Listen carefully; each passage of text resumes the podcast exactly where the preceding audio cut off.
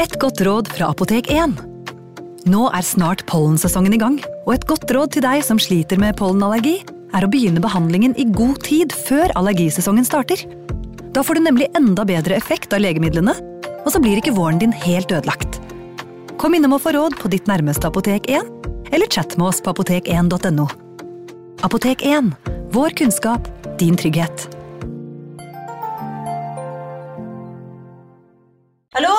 Jeg kommer fra Oslo politikammer. Ine Jansen er purk. Er du purk? The motherfucking bitch. Alt jeg vil, er å finne ut hva som skjedde med mannen min. Jon Carew. Er jeg sikta for noe? Iben Akeli. Det er du. Ole So, Lars Berrum og Big Daddy Karsten. Hvem sin side er du på, egentlig? Anette Hoff, Tone Danielsen, Kommer du fra Afrika? Jørnis Josef, Nesten. Kløfta. Trond Espen Seim, Det er synd å si det, men det var feil mann som døde. Purk. Premiere tirsdag på TV2 Play. Ungsamtalen fra DNB er økonomisk veiledning tilpasset deg som er ung. Bokk en ungsamtale på dnb.no. slash ung. Det er kjempebra hvis du skal inn på boligmarkedet, hvis det er drømmen din, liksom. Det er det du skulle sagt. Og så kunne du ropt litt mer, da, sånn som jeg gjorde. Bam! Advarsel. Denne podkasten inneholder skildringer av ekte drap og kriminalsaker som kan være støtende for enkelte. Det advares også mot sterke inntrykk i deler av episoden. Familien Bradley er på det som skulle være drømmeferien. Om bord på et ekstravagant cruiseskip har de stø kurs mot Curacao, et lite paradis i Det karibiske hav. Skipet de er om bord på, Rhapsody of the Sea, er mer enn bare en stor båt. Det er som et flytende luksushotell på 915 fot, som lover sine passasjerer opplevelser de aldri vil glemme. Dessverre ville drømmeferien snart utvikle seg til et mareritt for Bradley-familien, og Rhapsody of the Seas vil bli åsted for den verste tragedien i livet deres. Datoen er 24. mars 1998. Ron Bradley våkner i lugaren sin og ser datteren Amy sovende på balkongen. Klokken er etter fem, og natt er i ferd med å bli morgen. Amy og broren Brad har festet og drukket til langt på natt, sammen med medlemmer av cruiseskipets band. Lettet over å se at datteren har kommet seg trygt tilbake til lugaren, og med morgenen fremdeles noen få timer unna, legger Ron Bradley seg til å sove igjen. Dette ville være siste gang Ron så datteren sin. Historien om Amy Lynn Bradley er trist og skremmende, men også uendelig frustrerende. Det er ikke bare fortellingen om en forsvunnet person, det er like fullt en fortelling om en familie og håpløsheten de opplever i sin årelange søken etter sannheten. Amys plutselige forsvinning sender familien inn i et personlig helvete. Deres fortvilte leting etter svar på hva som hendte, er like hjelpeløs i dag som den var i 1998. Velkommen til True Crime Poden.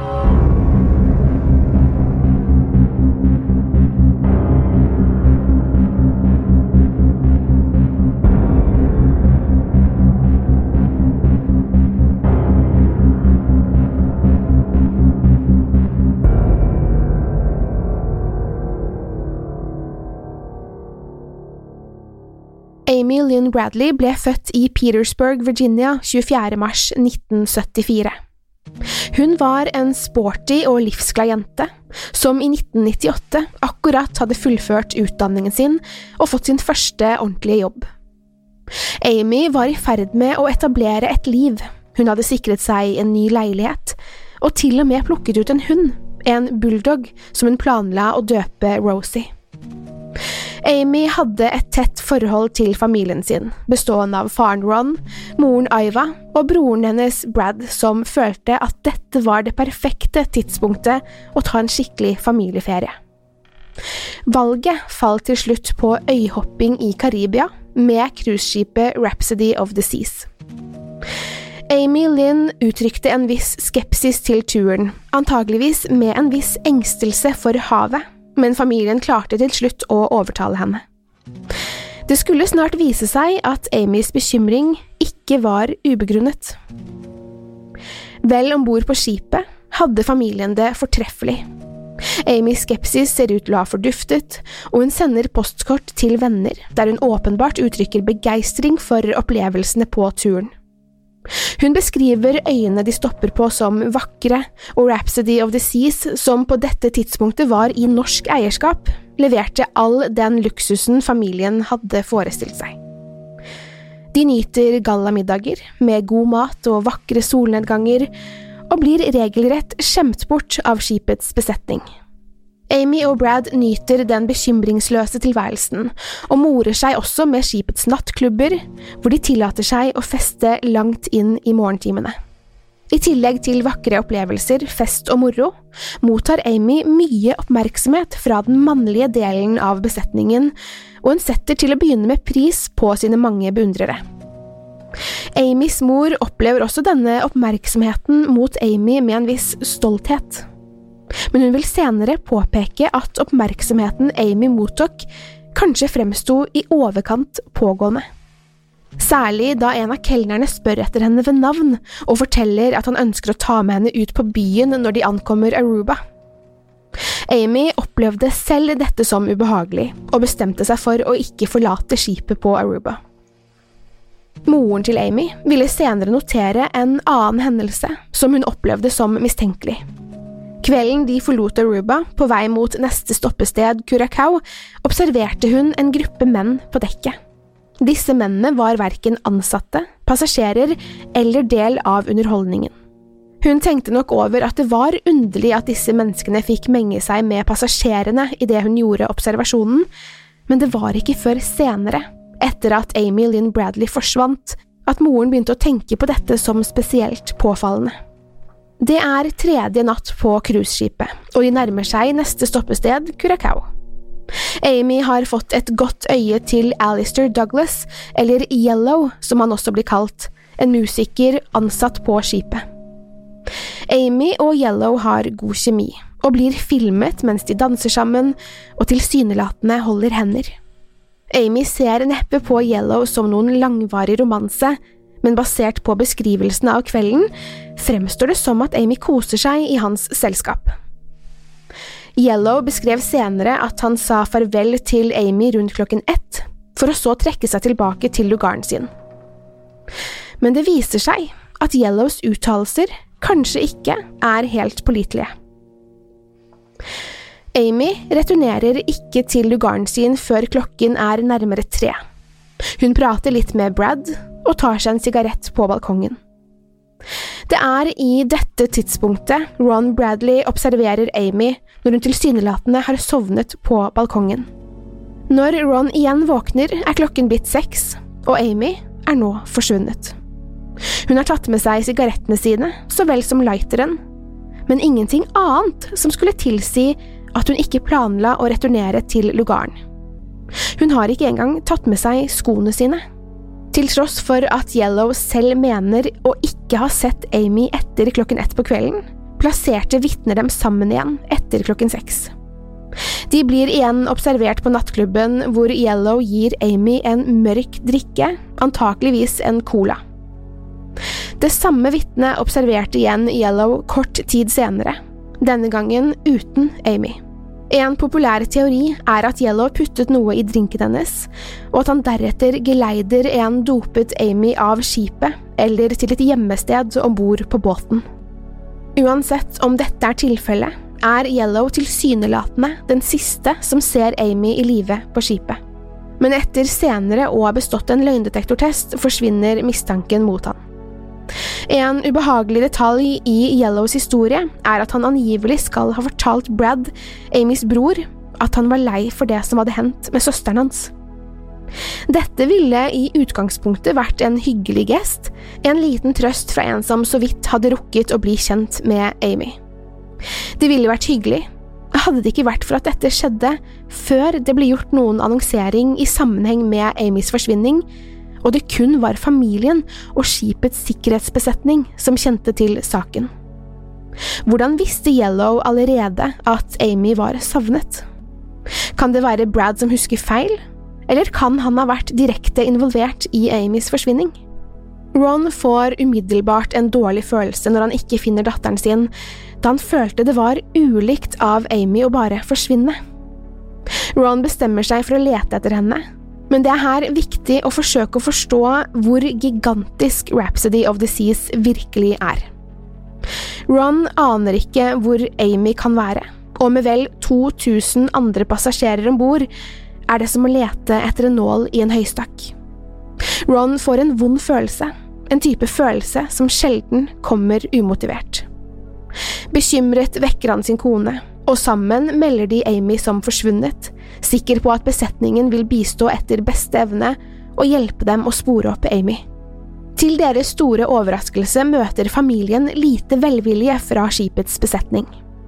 Skipet legger straks til kai i Curacao, og familien trygler om å ikke slippe noen av før Amy er gjort rede for.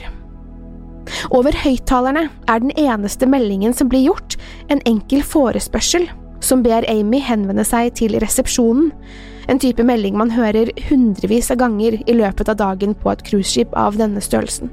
Men Ron er sikker på at dette er mer enn en person som har rotet seg bort på skipet.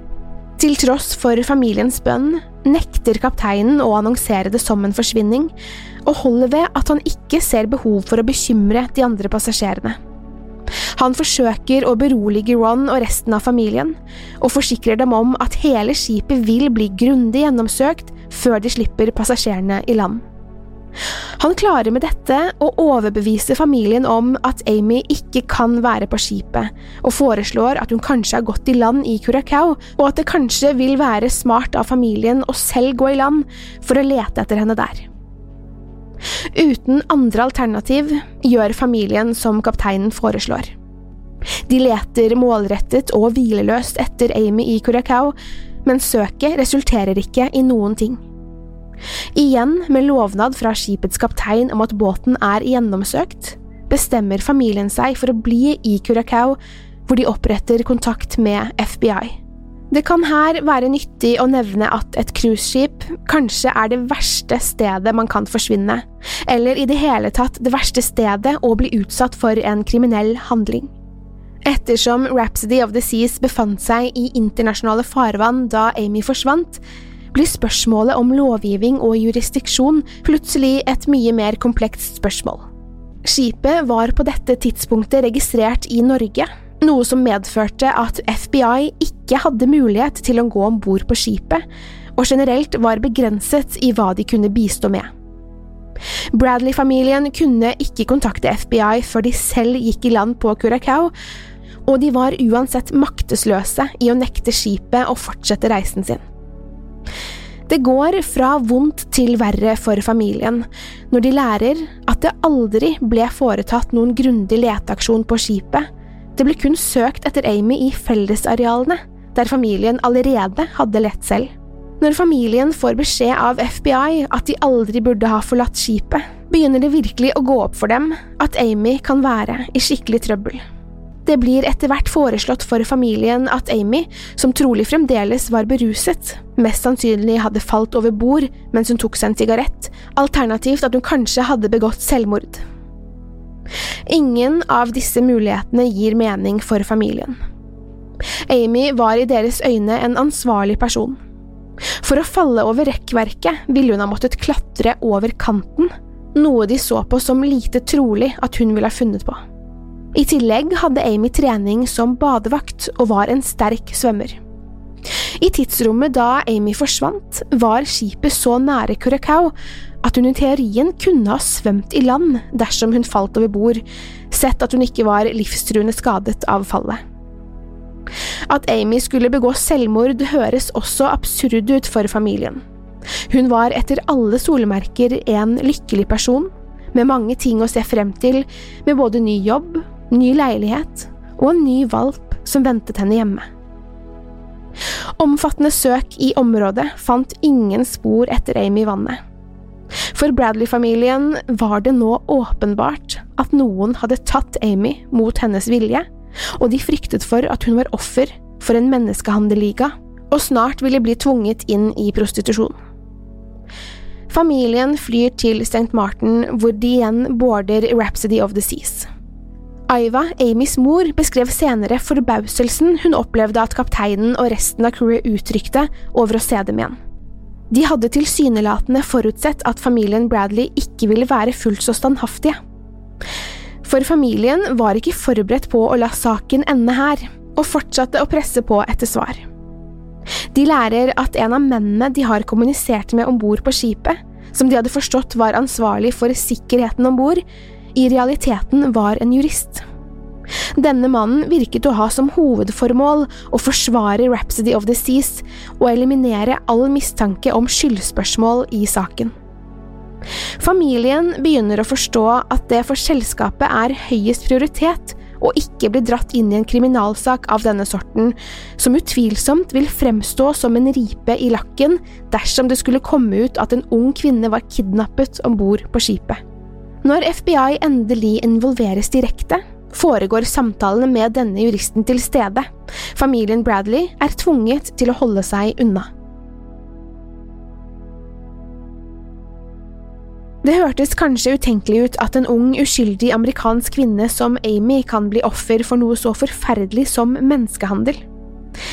Karibia fremstår som et tropisk paradis, men i Curacao, som er en del av de nederlandske antiller, er prostitusjon lovlig, men avgrenset til kvinner fra utenlandske nasjoner. Med flere bordeller på den lille øya, der noen av disse skryter av å kunne tilby opptil 120 kvinner, vil dette tragisk nok antyde at dette paradiset skjuler utbredt menneskehandel. Angivelig skal dette kontrolleres og reguleres av statlige organer, men dette har vist seg mangelfullt. Et system der kvinnene fanget i disse nettverkene i praksis er totalt hjelpeløse. For Bradley-familien var det aldri aktuelt å gi opp jakten etter sannheten. I deres hjerter var det åpenbart at Amy fremdeles var der ute et sted, og gjennom årene har det blitt gjort flere observasjoner som har tent håpet om en dag å gjenforenes med henne. I august 1998 så en canadisk turist en kvinne han var overbevist om at måtte være Amy, på stranden i Aruba. Han beskrev henne som redd og at hun forsøkte å kommunisere noe til ham. Samtidig var hun under strengt oppsyn av to andre menn. Dette høres kanskje ikke ut som en videre troverdig observasjon, men turisten kunne beskrive tatoveringer på kvinnens kropp som stemte perfekt overens med Amys. Familiens kanskje største nederlag kom i 1999, da de kom i kontakt med en mann ved navn Frank Jones. På dette tidspunktet hadde de møtt mye motstand og frustrasjon, og lite bistand fra politiet, som en følge av at det ikke var noen reell kriminell handling å rapportere. Dette til tross for vitneobservasjoner som indikerte at Amy fremdeles ble holdt fanget på Curacao.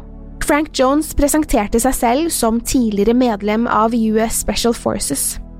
Nå opererte han som leiesoldat og disponerte et lag bestående av topptrente krigere. Frank Jones lovet at han kunne spore opp Amy og sette i gang en stor aksjon for å frigi henne. Med en dusør på 250 000 dollar hadde familien mottatt mange falske tips fra lykkejegere, men de velger å legge sin lit til Frank.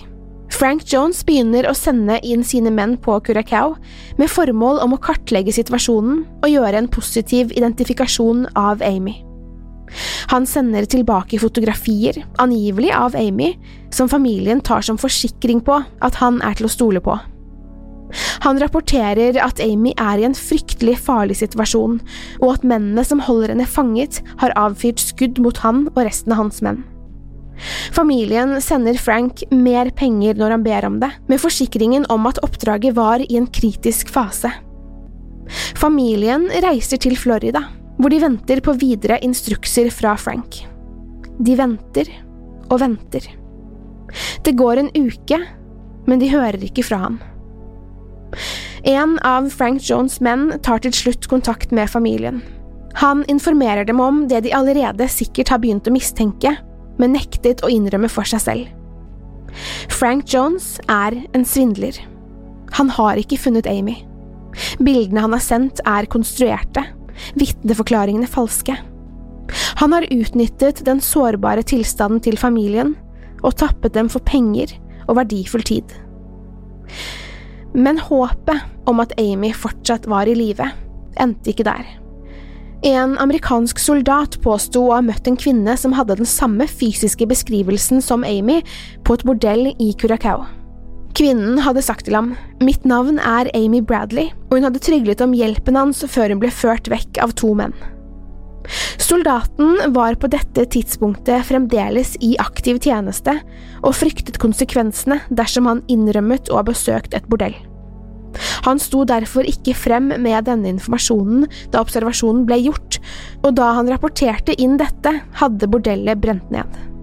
Alle spor som eventuelt kunne lede til Amy, var forsvunnet for all evighet. Nok et vitne sto i 2005 frem med en mulig observasjon av en kvinne som stemte overens med Amy.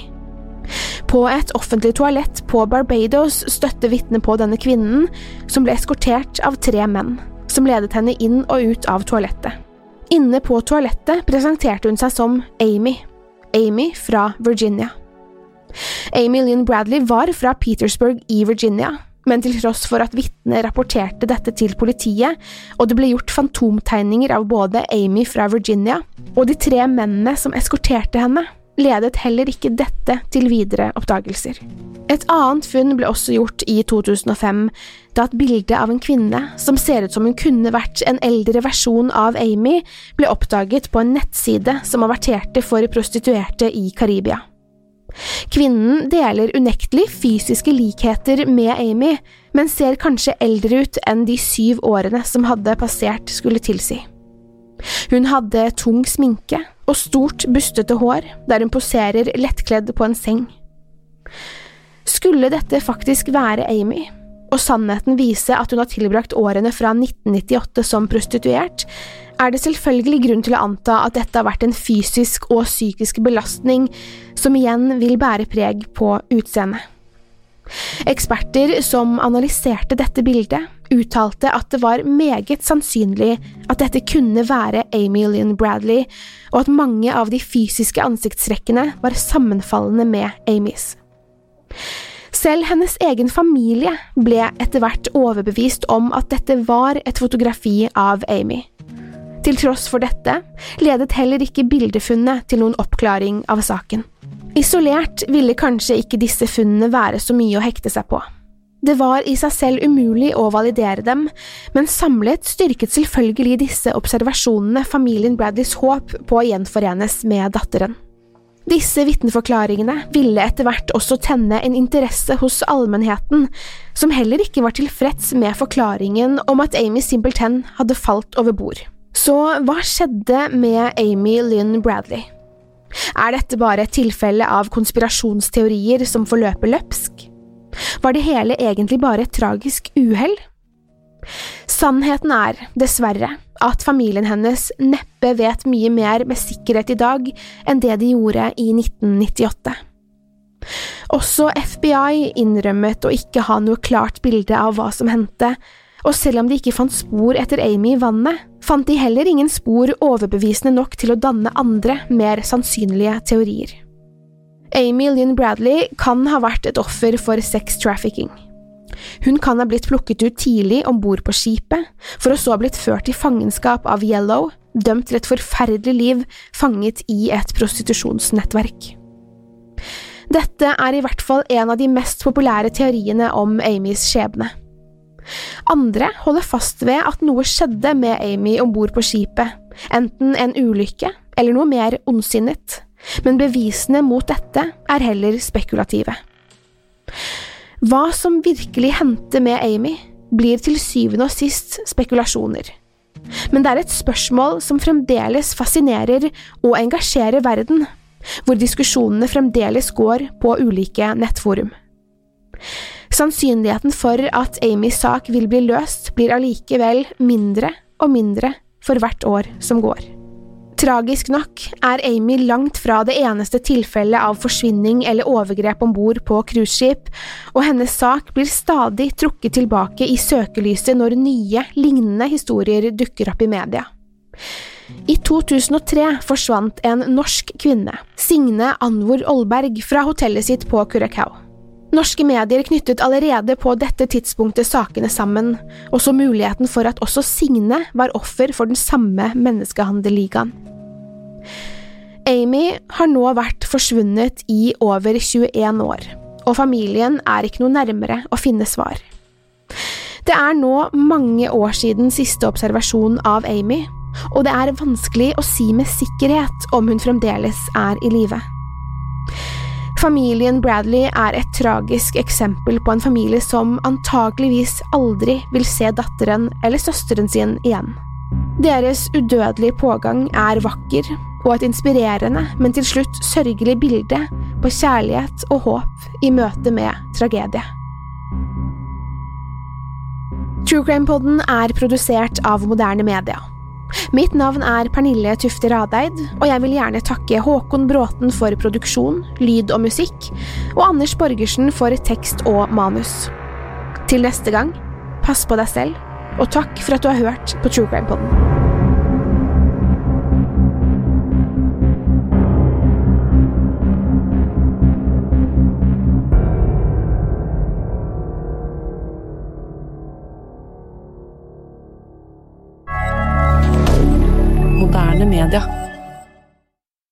Har du et enkeltpersonforetak eller en liten bedrift?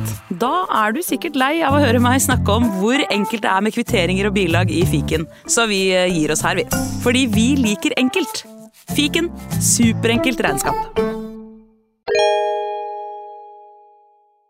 Hei! Takk for at du lytter til True Crime Podden.